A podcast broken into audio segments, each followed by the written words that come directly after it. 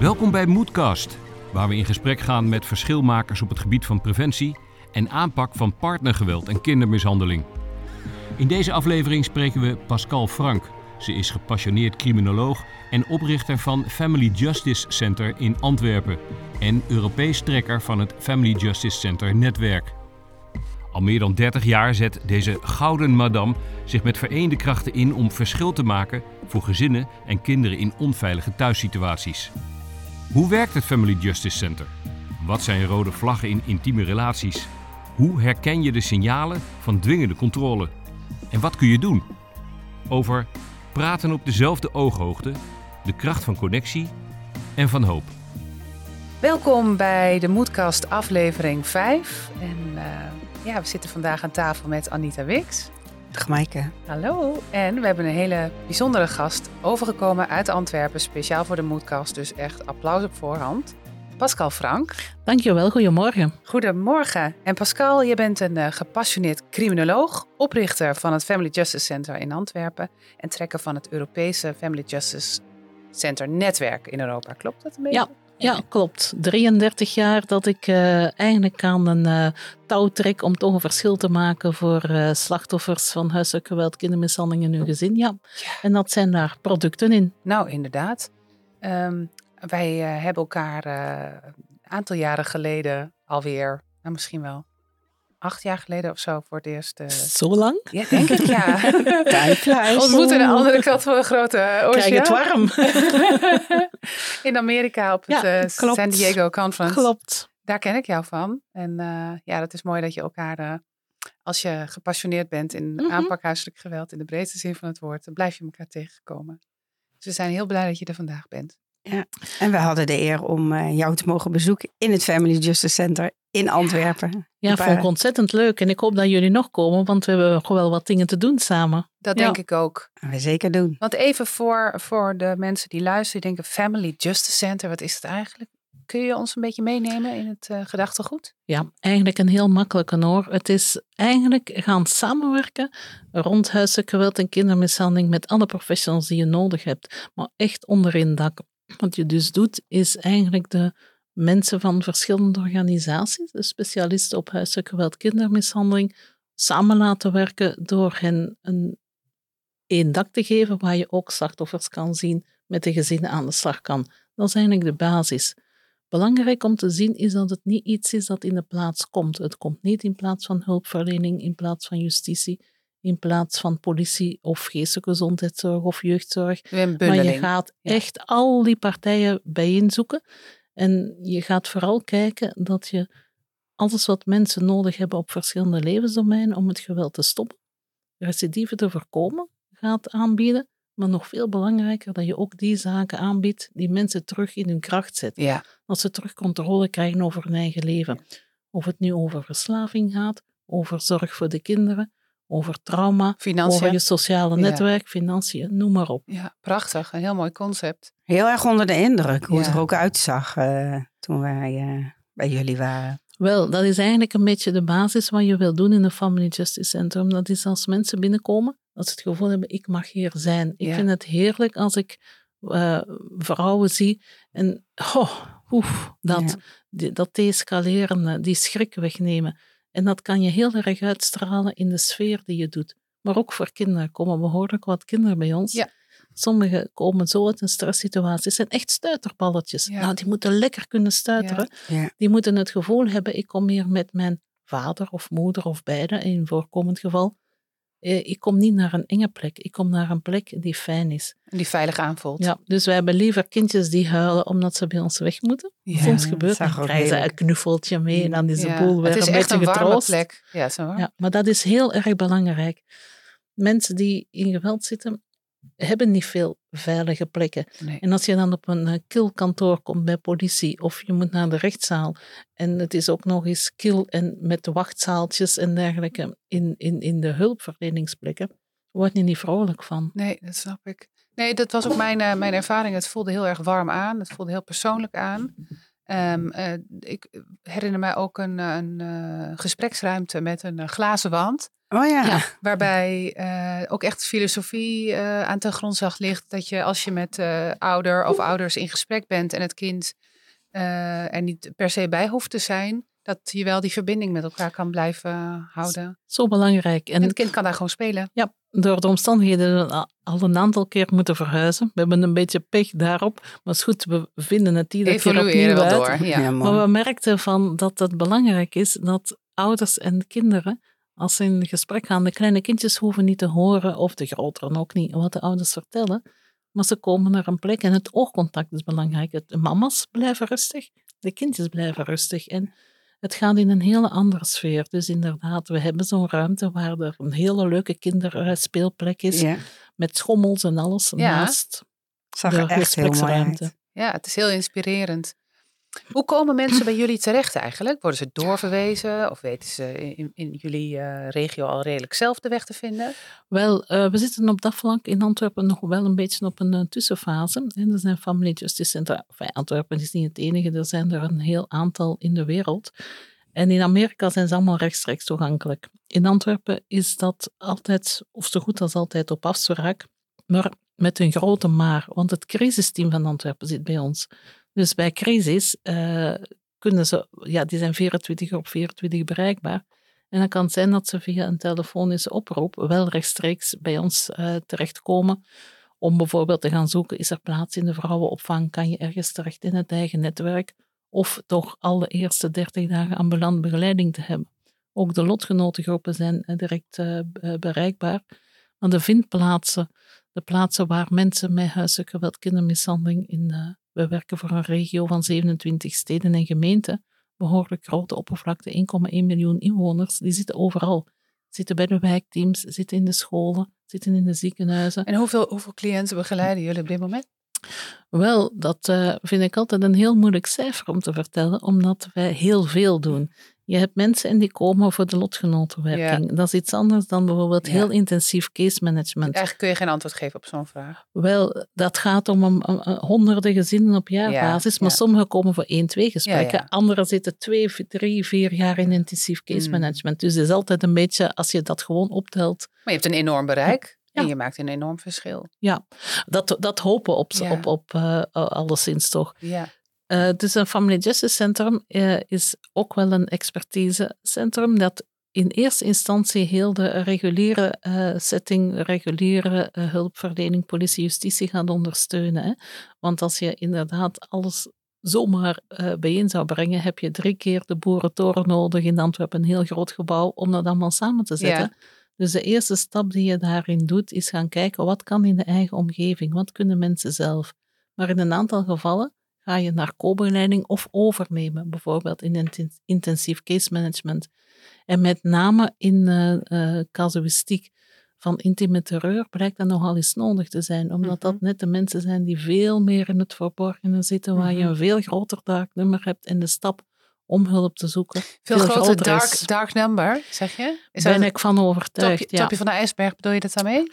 Wel, eh, als je kijkt naar bijvoorbeeld, hè, wat, wat ook eh, in het Verwij Jonker onderzoek eh, Mhm. gezinnen in de stress wordt genoemd, die zijn veel zichtbaarder. Hè. Die hebben dikwijls op heel veel levensdomeinenproblemen. Ja. Dat is zichtbaar en dat zijn ook mensen die op een heel andere manier te maken hebben met controle en angst. Veel meer voor de escalatie, Ja. Niet zozeer voor de partner. Daar zit een andere dynamiek in, maar Ja. het is gewoon veel zichtbaarder. Plus de hulp, de, de stap naar hulp is makkelijker te maken. Als ik kijk naar intieme eh, terreur, naar eh, dwingende controle, is die stap naar hulp veel gevaarlijker. Ja. Het zijn ook die situaties waar het geweld niet stopt, maar vaak escaleert als Ja, mensen hulp klopt. zoeken.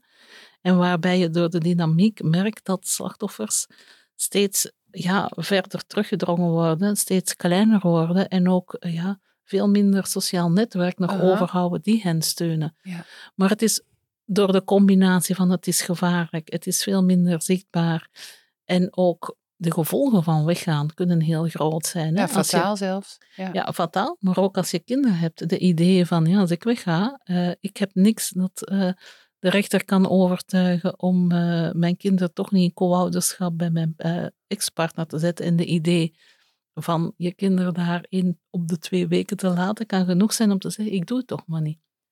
En het wordt ook veel minder opgepikt door de omgeving. Hè? Dus, eh, dus veel meer, merk ik, dat het onder de radar blijft. Ik denk dat grosso modo het op dit moment 10, 15 procent uitmaakt van de casuïstiek die binnenkomt bij ons. Maar ik denk dat er een veel groter dark number Zeker, is. Ben ik echt van overtuigd. Ja, dat denk ik ook onder de oppervlakte. Ja. Ehm, Maar tien jaar geleden had ik nog nooit van het woord gehoord. Toen ik daarin zat, ging het over huiselijk geweld. ja. Toen dacht ik, nou, ik ben maar tien keer mishandeld in elf jaar. Dus dat Ja. valt dan eigenlijk nog wel mee. Ja. Maar die psychisch geweld, die dwingende controle, geen idee.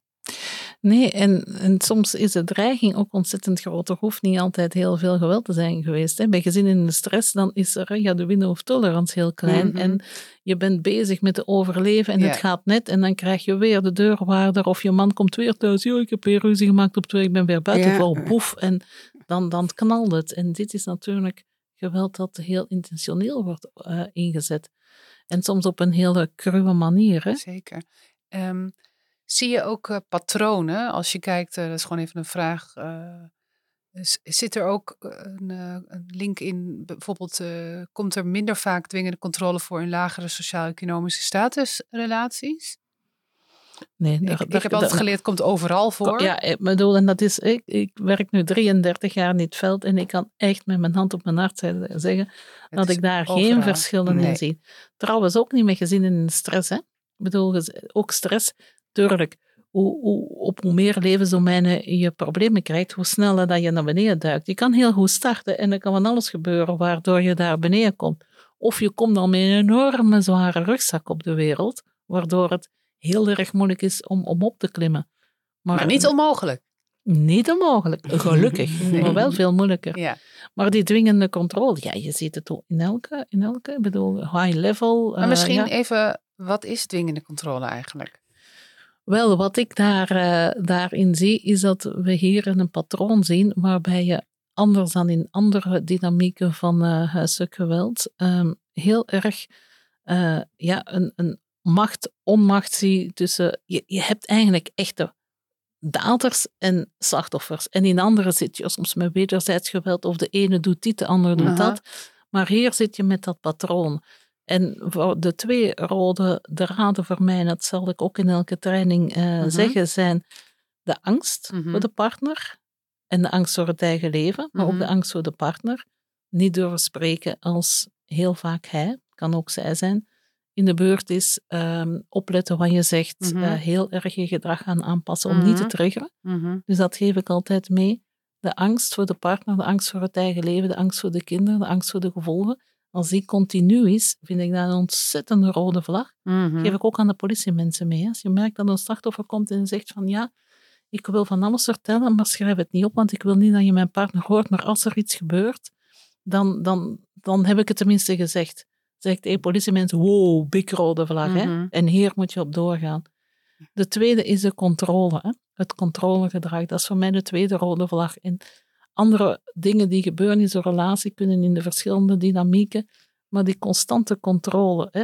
controleren van met wie je omgaat, wat je eet, eh, of je gaat werken of niet, eh, dat soort zaken. Als Wat je dat- aandoet. eh, ja, waar ben je? ja, op. Overal. Ja. Op alle levensgebieden. En je hebt daar die zichtbare en die, wat ik noem, zichtbare en onzichtbare controle. De zichtbare controle is gewoon, ja, geef je gsm elke avond. Als jij mij niet jouw sms'jes laat lezen, dan is er wel waarschijnlijk iets mis met jou. Ja. En dat is zo de zichtbare controle, maar je hebt ook de onzichtbare controle. Hè? Andere mensen mee laten kijken. Een, eh, een, een, eh, Trackers. eh, trackers Ja. onder de bodemplaat van de auto Mhm. monteren, dat soort zaken. Mhm. Kinderen inschakelen om bij te houden. Wat doet mama Oh, of ja. papa? Er zijn helaas wordt ook steeds vaker de technologie ingezet om, eh, om daarin eh, controle te houden. Ja, en dat kan je ook onzichtbaar doen. Hè? Absoluut. Je kan weten van elke Oh, mail leest hij mee. Alles. maar- oh, Ja, nee, dat is, dat is, dat is iets ongelooflijks. En, en daarbij ook, eh, denk ik, ehm, als je in zo'n situatie ingezogen wordt, dat je mm, altijd op je tenen loopt Ja. en bang bent voor de consequenties. Ja. Dat is Ja. ook iets wat we daarin herkennen, toch? Ja, en eh, we hebben in eh, Vlaanderen een hele mooie eh, televisiereeks gehad als je eens wist, door Hilde van Miegem. Ja, Mm. En zij heeft zo geweldige dingen gedaan, maar er komt op het moment ook de psychiater Mark van Steenkisten aan het woord. En hij zegt van, kijk, hè, je begint meestal in zo'n relatie met dingen die vrij normaal zijn. En dan gebeurt er iets. En goh, er is eens een opmerking van, bij wie stond jij nou te praten? En je denkt al maar, hè, je schuift steeds een beetje op in je eigen waarden en normen. Klopt. En op den deur zit je in een waarden en normen patroon dat het jouw niet meer is. Maar het is zo ver opgeschoven. klopt zeg jij niet. Ja. Ja. Ik herken het heel erg. Ja, en, en ja, dan, zeggen, dan kan je, twee- Mark van Stinkisten zegt, dan kan je twee dingen doen. Je kan eh, weggaan, drastisch knippen, of je aanpassen. En de meeste mensen kiezen Voor voor het tweede. Aanpassen. En doe daar twee jaar bij. En je ziet iets, zegt hij, dat je aan niemand meer kan uitleggen. En dan verlies je heel de sociale context. En dan beginnen mensen jou ook raar te vinden. Als ze dan horen van, wat heeft die gedaan? Dan gaan die wenkbrauwen al omhoog. En oeh, de victim blaming zit er heel erg in. Je hoeft niet tegen een slachtoffer te zeggen van, waarom ben je niet weggegaan? Gewoon met verhaal, hè, ik weet het, één wenkbrauw omhoog. En Ja. je voelt al, oeh, oeh, oeh. Ja, en je ziet mensen terugtrekken. En we hebben het ook over de eh, onzichtbare afstandsbediening. Het, er is zo'n, zo'n, mis- misschien is het, is het voor mensen zo van, wat stelt het voor? Maar bijvoorbeeld zo'n, Mike wel eens verteld, ik ga rijden in zijn auto en dan moet ik, dan zit zo, een- hoe zeg je dat, benzine die dat bijhoudt, zeg maar. Als ik zo hard rijd, dan blijft die op 5,4 staan, het verbruik. En dan ben ik heel goed als ik die hele weg niet boven de 5,4 kom. Dat betekent, ik kan nooit inhalen. Blijf altijd achter een vrachtwagen rijden. Ik durf niet meer in te halen. Jaren uit de relatie durf ik nog steeds niet in te halen. Kom ik thuis, kijkt hij, goed gedaan. Je bent op 5,3 gebleven. Wat Je ben gedaan, trots je op hebt je. gedaan wat Ja. ik zei. Dus het Goed is, kijk, kan wel zoiets klinken. Ja, maar dat is toch niet erg. Maar dat Jawel. wat er gebeurt in je hoofd, dat je de hele weg bezig bent. Ik moet daaronder Het blijven. leverde je ook heel veel stress op. Want de consequentie, als je het niet doet, kan gruwelijk zijn. Hè? Je weet het niet. Je denkt, ja, wat gaat hij doen? Praat hij nu tegen mij? Gaat hij schelden, schreeuwen? Wordt hij kwaad? Je hebt geen idee. Dus je doet dat. En zelfs je probeert er nog onder te blijven. Want dan Ja. is hij trots op je. Ja, dat is toch een, een duidelijk voorbeeld. hij is helemaal niet in de Absoluut, buurt. Hij zit er niet naast. Nee, hij is er nee. niet. En toch gebeurt Absoluut, dit. Er zijn geen blauwe plekken zichtbaar. Nee, nee, nee, omdat je weet, als je, je wil dat risico niet meer lopen en heel de goede gemeente gaat zeggen, oh, Ja. Anita. Maar logisch, ik vind Ja, een toch heel gewoon logisch. in. Doet, ja, wat slaat dit op? Weet je? Nee. Maar je doet het niet. Want voor hetzelfde geld komt hij erachter en eh, heb jij een jong katje in eh, huis lopen en eh, steekt hij jou in een casus bij ons gebeurt, je, je, je jonge katje in een plastieke zak en giet er kokend water op. Bijvoorbeeld. Dan laat je het wel. Ja, Dan laat je het wel. En je hebt nog geen blauwe plekken. En als dat katje verdwijnt, kan je wel naar de politie lopen en heeft het katje vermoord, maar waar is het katje? Ja, het is geen Jouw woord tegen zijn woord. Maar ondertussen heb je een ongelooflijk gruwelijk traumatiserend Ja. iets meegemaakt. En zo'n verhaal als over de kilometer tellen. Je gaat het ook tegen niemand vertellen. Nee. Je, je, zit- je- want je hebt zelf geen idee dat dit over dwingende controle met een eh, onzichtbare Mm. afstandsbediening gaat. Het ging in die zin, wat jij net ook zei, eh, Pascal, je, je rekt je grenzen langzamerhand Ja. op, op, op, op, op. En dat herken ik, want ik werk met Anita veel samen, ook in jouw voorbeelden, scènes, werden jouw grenzen ook heel erg opgerekt. En eh, ook op het gebied van, van seks eigenlijk, hè?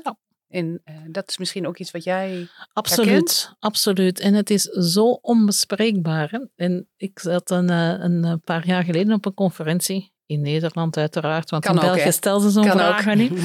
Eh, en eh, de, het ging over seksueel geweld. En de eerste keynote speaker die zei: draai je even naar je eh, linker of rechterbuur, eh, man of vrouw, en vertel even in geuren en kleuren je laatste seksuele ervaring.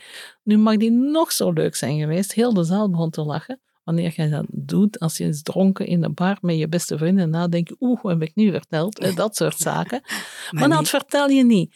Hè, Ik bedoel, als wij dit zouden moeten delen, zouden we allemaal heel ongemakkelijk worden. Van wat heb ik nou? Hè? Ja, maar toch, maar toch. Ja. Maar als dit ook nog eens seks is die je niet leuk vindt, seks die onder die dwang zit, of waar je hele rare dingen die moet doen die jouw ding helemaal niet zijn, want ook dat zien Exact. we veel. Hè? Ja.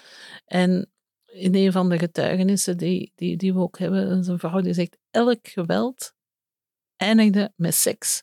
En dat gaan vertellen. Ik bedoel, leg dat maar uit. Niemand snapt dat nog. Nee, nee. Daarom is het goed dat we het erover hebben. Daarom is het goed dat we het taboe eraf halen en de schaamte eraf halen. Zeker, maar het is, het is meer dan het taboe om de schaamte eraf halen. Wat belangrijk is, is dat professionals leren zien dat de reactie van uh, slachtoffers heel normaal is. Ja, De reactie van slachtoffers wordt heel dikwijls in hoe, amai, en zover. Ja. Maar het is gewoon een heel normale reactie. Ik bedoel, op dat een abnormale situatie. Absoluut, Ja. absoluut. Dat, ja, en, en dat wordt steeds omgedraaid. Wa- Waar, waarom heb je dat toegelaten? Nee, waarom is dit gebeurd? Dus eigenlijk is het educate yourself. En eh, leer, Ja, leer dus ja, te begrijpen, maak het maar normaal. Maak het maar logisch waarom Ja, ze... ja. waarom ze Ja, En ik zeg dan ook altijd tegen mensen, als je zelf in die situatie, je moet dat eens indenken. Hè? Als je altijd ruzie zou krijgen, en dan, dan is het gewoon de vieze blik en dagenlang eh, genegeerd worden. Je gaat je eraan aanpassen en dat schuift altijd op. Je Zet jezelf in, in, je, Ja. in die situatie. En dat moeten mensen veel meer leren doen, professionals ook, van oké, hoe zou ik daarop reageren? Ja.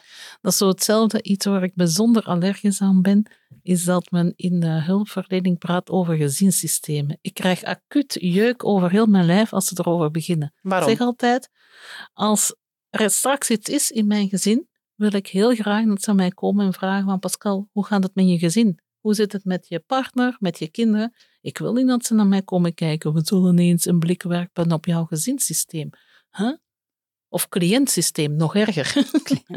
ja, het cliëntsysteem, dat zit is ook afstand iets. in. Ja. Ik bedoel, een systeem, goh, dat is therapeutische taal. Mhm. Maar als slachtoffer in een situatie wil ze heel graag dat je op gelijke ooghoogte meekijkt wat er gebeurt. En uiteraard met expertise je kunnen helpen om dingen te snappen, zodanig dat je stappen kan gaan ondernemen. Daar start ehm, het de mensen terug controle geven over het eigen leven, start daarmee. Zelfde ooghoogte, normale taal. ja. Van, stel dat ik bij jou zou komen, Anita, hoe, hoe, hoe loopt dat nou in jouw gezin of in jouw relatie? Ik moet niet beginnen over, we gaan het cliëntsysteem van Anita eens onder de loep nemen, eens kijken wat we daaraan kunnen doen. Ik bedoel, ik zet jou dan terug helemaal in een afhankelijke positie. Ik zet jou niet in je kracht. klopt. En daar, dat vind ik zo belangrijk, dat we leren bij huiselijk geweld en zeker bij intieme eh, terreur mensen terug in die kracht te zetten. Mhm. Terug van wat, wat heb jij nodig? Wat zit er in jouw Exact. krachten die ik kan gaan versterken? En niet zozeer van, goh, eens kijken waar jouw problemen zitten. Nee, het is precies andersom. Dus eigenlijk geef je dan hoop aan iemand. Oh, nou, dat is, Ja. eh, dat is mijn, grote, mijn grote dada, om het zo Ja. te zeggen. Je grote Ik- liefde. Ja, absoluut, Ja. absoluut. Ehm, wij geven ook heel veel hooptrainingen. En dat klinkt dan zo heel esoterisch, maar daar gaat het niet over. Waar gaat het bij hoop over?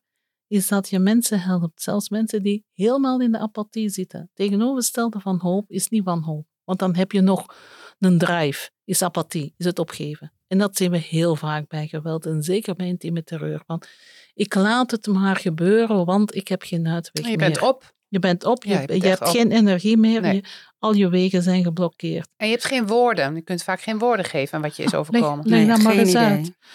Maar waar gaat dat dan over in een hoop? Dat gaat over mensen bekijken van oké, waar kom jij voor uit je bed? Wat kan voor jou belangrijk zijn? En voor sommige van de slachtoffers hè, is het mijn haar nog een keertje laten doen. Of mijn nagels eens laten lakken. Hè, want dat heb ik al heel lang niet meer gedaan. Soms, soms moet je daar beginnen. Heel klein. Maar dan gaat het erover hè, om mensen te gaan kijken, wat is je doel? En mensen te gaan werken van, oh, visualiseer dat, hoe zou dat zijn? Want dat wordt hun referentiekader, dingen die zij willen. En dan is het helpen van, oké, wat is de weg daar naartoe? Wat is jouw pathway, je weg om Mhm. eigenlijk controle te krijgen? Maar het tweede even belangrijke daarin is je mentale energie om dat te gaan doen, je Ja. motivatie. Wat zijn jouw bronnen van motivatie? Wie kan jou helpen? Het zijn Waar allemaal zaadjes die je plant. Hè? Allemaal zaadjes die Ja. je plant, zeggen we ook. Maar En eigenlijk mensen dat is- terug Dat, dat is heel mooi, want dat heb ik altijd heel erg gemist. Wat ik zelf heb gedaan, en ik ben geen hulpverlener. En, eh, In Maar de ik- opvang bedoel je toen? in de opvang, ja. maar nu, ik help vrouwen. En niet, niet hulpverlener, maar dan zeg ik, weet je hoe ik dat heb gedaan? Ik ging vision boards maken. Ik ging Ja. gewoon plakken knippen. Ja. Alle, waar ik heen wilde reizen. En ik zei ook dat ik een boek wilde schrijven. Dat heb ik gedaan. Dat ik ook met Maaike eh, wilde eh, eh, spreken. Weet je, dat alles wat ik voor me zag, zo zie ik mijn leven voor me.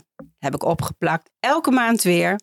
En zo eh, heb ik mezelf hoop gegeven. Ja. Van ik zie de toekomst voor me. Dit is waar ik blij van Ja. word. En dat heb ik heel erg gemist. En Ja. dat doe, doe ik nu als vrouwen mijn eh, hulp vragen. Zeg, ik, Ja. begin eens met een eh, vision board maken. En op je spiegel Absoluut. schrijven. Ik ben genoeg. En Maaike heeft laatst nog gezegd, zet hem maar op. Het was niet mijn schuld. Ja. En dat ik- helpt ook. En ik zeg altijd tegen mensen als ze het visualiseren, plak het op je ijskast. Nou, ja, dat ja, je je een referentiekader hebt. En je, Ja. je- op, je, op je screensaver. Ja. Maar dat je iedere werkt, keer, want hè? er zijn momenten dat je Ja. terug even verliest. Het, het is natuurlijk Ja. niet bonk een weg omhoog. Hè. Ik bedoel, dat is met vallen en opstaan. Maar ook als je beneden bent en dan je weet wie, wie kunnen mijn hoopheroes zijn. Wie kan mij helpen. En die moet je zoeken, maar die kan je ook krijgen. Als je ervoor openstelt, vind je die ook. Ja. Mensen die net dat stukje geven, ofwel op het vinden van de weg. Van, oh, het, het lukt niet. Wie kan mij helpen om het anders te doen?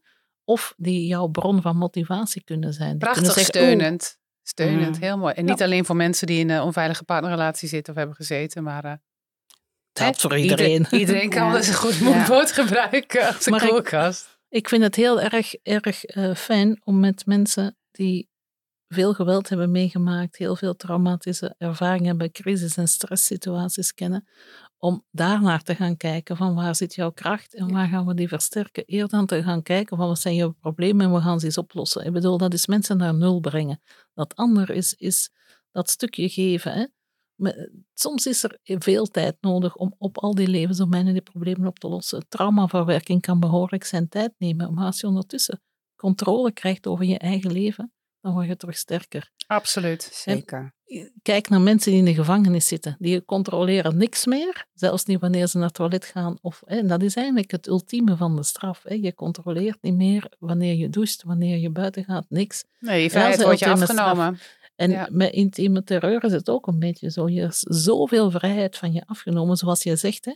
Hoe, of, of ik een auto mag inhalen, hè? Of ik zelfs mijn haar mag wassen nu. Want nee, want er is al, eh, de zonnepanelen hebben niet genoeg opgeleverd, dus vandaag was je je haar niet. Ik bedoel, het zijn een beetje gekke voorbeelden, maar die werken wel zo. is absoluut zo. Maar even eh, voor de, eh, gewoon om, om dit te kunnen begrijpen. Is dit intentioneel? Is het psychopathologie? Wat is jouw visie hierop? Waarom Wel- doet iemand zo? Wel, we zijn er eh, zelf mee bezig, ehm, samen met eh, eh, UCLL, Universitair Centrum bij ons eh, ehm, in het Leuvense en het Limburgse. Zij zijn met ons aan het kijken en dat vind ik wel een hele mooie. Ehm, volgen ze profielen van Verwij Jonker, wat er bij ons binnenstroomt. En daaronder gaan we ook kijken. Er wordt heel snel gezegd van, "Goh, het zijn allemaal psychopaten. Er is een prachtig boek verschenen in, recent in de Vlaanderen Psychopaten. Wie zijn ze? Door een van onze forensische psychologen, eh, psychologen Kasia Zbleo. En die beschrijft dat zeer goed. En de meeste zijn niet psychopathisch. Hè? En gewoon, er wordt heel vaak geroepen mensen met een narcistische persoonlijkheid. Ja, goed. Maar ik wil ook daaronder altijd gaan kijken. Want je ziet evengoed mensen met een enorme eh, verlatingsangst, een enorme jaloezie, met een serieuze hechtingsproblematiek. Is dat Die zie je trauma? daar ook in. Is het trauma? Die zijn er absoluut bij. Ja. Je, je hebt eigenlijk een, een, een hele ehm, waaier aan profielen. En het, in mijn idee moet je in elke situatie van huiselijk geweld ook met alle partners rond de tafel in gesprek gaan, ook met mensen die de feiten plegen. En wat ik belangrijk vind, is dat we gaan kijken. Heel vaak eh, start je in eh, eh, te werken met plegers met ehm, ja, wat we noemen eh, disrupt maatregelen. Maatregelen, ehm, een huisverbod, eh, contactverbod, gevangenisstraf, noem maar op. hè. Mhm. De omgeving die jou weghoudt bij je partner, die eigenlijk heel erg op de extrinsieke motivatie werken. Maar als je echt een verandering wil maken, hè, je kan gedrag wel veranderen, maar als je dat heel goed wil doen, eh, enfin, tot in de basis moet je ook een verandering van mindset Mhm. maken. Moet je zorgen dat mensen er anders naar gaan kijken zelf. Hè? Want gedragsverandering, ho, onder covid-maatregelen gingen we allemaal ons daaraan houden omdat we anders een boete hadden. Consequenties. Oh, ja, voilà. Ja. Maar hoe lang hou je dat vol? Ja. Hè? Hoe lang Ja. hou je iemand in een contactverbod? Dus wat daar belangrijk in is, is dat we ook met mensen die zo'n feiten plegen, ook gaan kijken hoe gaan we aan de intrinsieke motivatie eh, werken. En daar zit heel vaak ook heel veel support in. Het ook horen van het verhaal aan die kant. Zonder dat je afbreuk doet aan, aan, aan wat, wat er aan hun accountability, aan hun Ze blijven verantwoordelijk voor hun gedrag. Exact. Maar ze hebben dikwijls dat nodig. Ja, dat is een hele interessante. Want eh, wat er in mij dan ook opkomt is van... is iedereen in staat om op, op dat stuk van zichzelf te reflecteren? Heb je hulp bij nodig? En dikwijls, eh, soms heb je heel veel van die extrinsieke motivatie nodig. Hè? Heb je inderdaad een hele tijd nodig van contactverbod. Soms moeten mensen ook diep gaan om, ja, om te snappen van oké, ik heb hulp Ja. nodig. Maar het kan wel. Ja, Het kan wel in kan veel wel. gevallen. en dat vraagt ook iets van het systeem. Absoluut. En het vraagt ook iets van het systeem als je met eh, het hele eh, systeem dan in gesprek gaat. Dus ook met plegers. Dat je dus ook in, in die zin ehm, super goed getraind bent. Je hebt daar echt mensen in Echt, nodig. hè? ja. Want eh, als ik even kijk naar bijvoorbeeld hoe jouw voormalige partner zich presenteren naar de buitenwereld. ik kan me voorstellen dat heel veel mensen zich hebben laten, om de tuin hebben laten leiden door bepaalde verbale kwaliteiten, charmes. eh, hè? Absoluut. Absoluut. Ja, zo, zo werkt dat dan. Alleen vraag me wel af, Pascal, als iemand dan zegt, zoals mijn ex-partner. Maar ik heb hier helemaal geen aandeel in. Het komt allemaal door jou en door de kinderen en door je ouders en door je vrienden. Ik? Ik, ik heb hier niks in te doen. Zes keer ontslagen overal, maar nog steeds. Het is helemaal niet mijn schuld. Ik bedoel, als jij, dat, dat, als jij niet zo gepraat had, als jij zo Ja. niet gelopen had, als jij nou maar gewoon naar mij luistert, dan had ik dit nooit hoeven doen. Ja. Is er dan hulp? Wel, Nou, wel als het hard genoeg wordt. Hè? Wel als alle wegen afgesloten worden. Zolang dat die, dat die geloofd wordt door anderen en anderen Hmm. dat mee gaan voeden in zijn context. Daarom is soms die extrinsieke motivatie in een aantal gevallen heel belangrijk.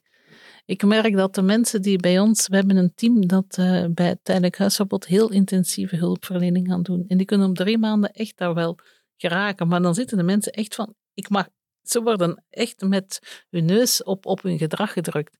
Zolang dat dan niet gebeurt, hè, en, en Krijg de je geen gemeente, privileges. Ja, en daarom, wat het lastige is bij intieme terreur, is dat slachtoffers zo weinig aangifte gaan doen, zo weinig hulp zoeken. Hè. En dat, Nooit. dat maakt het, dat Ja, maakt dat het zo juist, moeilijk. ja, dat houdt Ja. het ook in stand. Dus wij zeggen ook altijd tegen mensen, hou een dagboek bij. Spreek je buren aan, spreek je familie aan. En wat moet je eh, dan zeggen? Spreek je buren aan, spreek je familie aan? van zeg wat er gebeurt. Benoem het. Praat. Benoem je angst. eh, ga hulp zoeken. eh, ga, want, want dit is dat opschuiven, waar we het er straks over hadden, in die waarden en die normen die opschuiven. En je weet dat eigenlijk wel. En je weet het diep van binnen, maar je gaat het begraven. Diep En- van binnen weet je het, maar je, wat lastig is, dat je, je kunt er geen woorden aan geven. Want dat voorbeeld met, die, met, die, met, die, met dat tanken, met, met het rijden. Ja, eh, eh, je hebt ge- geen idee wat dat dan eigenlijk is, wat je doet. Je, dus praat je er niet over, omdat je het zelf niet weet. Dus ik vraag me dan altijd af, in heel veel, als ik voorbeelden van mezelf bedenk, ik had daar helemaal geen woorden voor. Vaak nu pas, twaalf jaar later, dat ik denk, oh wacht eens Ja. even, dat is er dus gebeurd. Ja. Ik had geen idee. En daarom dat dat het dark number, hè, waar, we mee begonnen, op die intieme controle zo groot is. En daarom dat ik het ook zo belangrijk vind dat de omgeving het leert herkennen. De omgeving ziet dat vaak wel. Hoor, Zeker. Van, oeh, oeh. Ja, Die En dat- en, maar die vonden er ook veel van in jouw geval. Die, vond, die oordeelden, oordeelden daarover. Toch? ja, ze oordeelden wel, maar ze deden niks. Want Nee. ja, jij blijft. Als het echt zo erg was geweest, was jij wel weggegaan. Maar je Ja. bent gebleven, zoveel jaren bedoel. Waarom Ja, ga je dan niet? Omdat niemand ooit waarschijnlijk de vraag stelt. Nee. Hebben ze aan jou waarschijnlijk nooit niet, niet rechtstreeks welke, gevraagd. welke vraag zou je dan moeten stellen? Bez- wat ik heel belangrijk vind, is bezorgdheid uiten. Als ik dat zie, in, in, mijn, in mijn context, dan ga ik mijn bezorgdheid uiten. En hoe Dan doe je dat dan? Ja, gewoon mensen even vragen van, hoe kunnen we even praten? Ik, ben, ik zie dingen, ik ben heel erg bezorgd. En soms zeggen ze, oh, helemaal niet, maar komen ze even later met een appje. Ja. Eh, In, in, in de lesgeven in groepen ook, hè. Gewoon Zaadjes planten. maar ja, als, je, als, als niemand de vraag stelt, hoe kan je dan als slachtoffer erover beginnen? En kijk, als er niks aan de hand is, dan zeggen mensen, mensen worden dan echt niet boos en zeggen nee. Precies. Eh, en zelfs als je nee krijgt, kan die nee wel een ja zijn. Zeker maar het is, Ja, slachtoffers weten. het. Het buikgevoel vertelt het wel. Je kan het niet Heel onder diep. woord brengen, Mm. maar je weet het wel. Je ligt er s'nachts van wakker, je draait molentjes, je voelt je niet lekker, je weet, Ja. het klopt niet. En als iemand dan zegt van, ik, ik ben me nogal bezorgd, ik zie dat er iets niet klopt, kan je met twee in dat gesprek gaan. En dan is er dikwijls nog heel erg die keuze van lo- loyaliteit Mhm. en, en, en toch wel de verbondenheid met Mhm. de partner. Maar zolang je je alleen geïsoleerd zit met die partner, komt het er niet uit. Dus daarom dat ik jullie uh, moodcast zo heel erg belangrijk vind, dat ook de omgeving leert gewoon de vraag te stellen. hey, in dit geval Anita, gaat het eigenlijk wel goed met jou? Ja, nou, precies dat. En weten, Ja. wetende, en het is dus ook belangrijk dat mensen dat weten, verwacht niet meteen een antwoord van een potentieel eh, slachtoffer van, Nee. nou dankjewel voor deze vraag. Inderdaad, ik word eh, misbruikt of ik Nee. eh, be- word bedreigd. Maar zo'n Nee. zaadje die je dan plant, Ja. en als iedereen keer op keer dit doet, heeft het wel effect op de lange termijn. Ja, absoluut, absoluut. En ik zeg het bijvoorbeeld ook tegen tandartsen. Hè. Tandartsen hebben, eh, is, van tijd tot tijd mag ik training geven aan tandartsen. Ik wou dat ik het veel meer kon doen. Mhm. Tandartsen zien echt wel mensen die geweld meemaken, want er wordt tegen hun gezicht geslagen. En als zo'n tandarts zo'n tweede keer iemand ziet met een stuk afgebroken tand, Mhm. ja, je kan wel eens een keer met de fiets vallen. Nou, maar je loopt toch keer, tegen keukenkastjes aan heel vaak. Ja, goed. Maar even goed, de tandarts, hoeveel tijd hebben die? Vijf minuten voor je met je mond open zit, Ja. spuiten in je kaak en Het- je kan spreken. Ja. Maar Mhm. ook dan kan een tandarts een vraag stellen van mevrouw. U bent in de tweede keer. Mag ik bezorgd zijn? En je kan een telefoonnummer doorgeven. Hè? En als iemand alleen is, hè, soms eh, eh, wijkt een, een partner niet van iemands zijde. Dat is ook, eh, maar dan kun je dus ook inderdaad met iemand alleen in. Ja, maar je Ja. kunt ook zien aan iemands blik. Dat zeg ik ook zo vaak. Ja. Als, je, als je zo door je blik laat zien, ik zie jou. Dat helpt zo enorm. Kijk, als zo'n tandarts dan tegen eh, de partner zegt, wacht u even in de wachtzaal. Exact. En die partner zegt, nee, nee, ik ga wel mee. Dan kan de tandarts nog zeggen, nou, ik vind het even eh, makkelijker. En als je dan merkt van, oh, Daar komt tegenstand. Ja. ja, is dan, reden dan, om alert te Ja. zijn, hè? ja. Ja. En dan kan je eventueel een afspraak inplannen en de volgende keer zorgen van, nou, gaan we even, hè, ik moet even ehm, het licht uitdoen. Ja, in de spoed Even een hè. foto maken. spoedgevallen ook. Hè? Van, als je dat merkt, verzin een reden. Je medici kunnen een reden verzinnen Ja. om iemand apart te zien. Gebruik het ook. Maar ze moeten het natuurlijk weten. ja, ben ik helemaal met je eens. Dat. Ja. Mooi. Mooi hè? En hoe meer mensen weten wat er gebeurt, hoe meer het bekend is, hoe meer mensen zullen zeggen van, hm, de buurvrouw mag nooit alleen buiten. En haar man houdt, wij hadden zo'n buurvrouw, ze leven niet meer. Maar die vrouw kwam nooit alleen buiten. En eh, hij had haar ook altijd, als ze gingen wandelen, Vast. met, met- hij, had haar arm vast. En toen gingen we een keertje een buurtfeest doen. En ja, heel de buurt was uitgenodigd. En zij was er toch in geslaagd om bij de andere buren een briefje in de brievenbus te stoppen van ja, ik kan niet komen, want het is gevaarlijk met mijn man. Ja, het, het- er waren ondertussen oude mensen. En eh, het duurde een tijdje voor het ook bij mij kwam. Maar dan dacht ik, de buren had dan iets gedaan. Maar ja, makkelijk is het natuurlijk niet. Hè? Nee, is het ook niet. Maar ook voor omstaanders zijn er hulpmiddelen. Hè? Ook zij kunnen zich laten bijstaan hè? als je het ziet in je eigen omgeving. Je kunt Ja. altijd overleggen met Ja. Veilig Thuis. Bijvoorbeeld, ja, wij hebben ook, eh, ja, er zijn absoluut mogelijkheden om te kijken. Ik zie iets. Maar ook de kracht van een netwerk, de kracht van Wow. co- com- community, connectie, Absoluut. vind ik echt super belangrijk. Ja, want dat vind ik een, eh, een, een goed bruggetje. Want eh, een volgende stap, hè, terug naar het Family Justice Center, de volgende stap is dat we ook veel meer community willen gaan bouwen. Dat is een van de eh, Dream Bigs voor de komende tijd. Is omdat gewoon heel veel mensen die in huiselijk geweld zaten, en zeker in intieme terreur, maar ja, in de verschillende vormen, hebben geen netwerk meer. Hè? En je gaat dat opbouwen, maar voor sommige mensen is het of niet genoeg, of er is gewoon te weinig. Maar ook om, Eh. dus, om duurzaam te kunnen zijn. Connection is protection, Ja. right? Hmm. En een Family Justice Centrum kan dat ook bieden. Hè? En een, een, een inloopplek, een eh, maatje achter de voordeur, projectachtig iets, of koffiemiddagen, of uitstapjes. Beetje een, mensen. wijk, een wijkfunctie. Ja, ja, maar dan specifiek, hè, het gaat verder dan een lotgenotenwerking. Eh, het gaat echt zo van, eh, ja, een stukje community Ja. building. Dat mensen voelen van, oh, ik heb dat meegemaakt. Ik ben zijn onderdeel van een geheel. Ja. Ja, en eh, nog mensen die hebben meegemaakt en mensen die mij, mij begrijpen. En als het moeilijk wordt in mijn leven, weet ik dat ik er naartoe kan. Mm. En eh, je, je hebt, kan het drie jaar niet nodig hebben en dan ineens denken, "Ah, of er gebeurt iets, of, of je gerecht komt met iets en je weet, oh, ik mag daar terecht. Al is het voor een koffie of om even, oeh, het is weer even zwaar om dat uit te blazen, maar bijvoorbeeld ook om leuke dingen te doen. Ja. Nou ja, soms kan het na tien jaar nog zo zijn dat je ineens denkt, Ja. ik heb eigenlijk toch nog wel hulp nodig. Ja. En Ja. dat hoeft daarom niet heel een therapeutisch iets te zijn. Gewoon mensen die het begrip hebben, die, die kunnen zeggen, ja, Anita, ik weet het. Want het Ja. soms zwaar is. En eh, het leven gaat met dat. Maar je kan hier terecht als het even moeilijk is. Hè? Drempel heel laag, je bent hier welkom. Hè? Hier is een kopje koffie en een eh, heerlijke reeks koekjes of zoiets. Of we gaan gewoon iets leuks doen samen. Hè? Samen sporten, mindfulness daarin bieden. Dus echt die community building. Ik merk dat slachtoffers, die, zeker slachtoffers die ook een rugzakje uit de jeugd hebben, heel dikwijls daar toch nood aan hebben aan andere mensen die ook weten wat het is.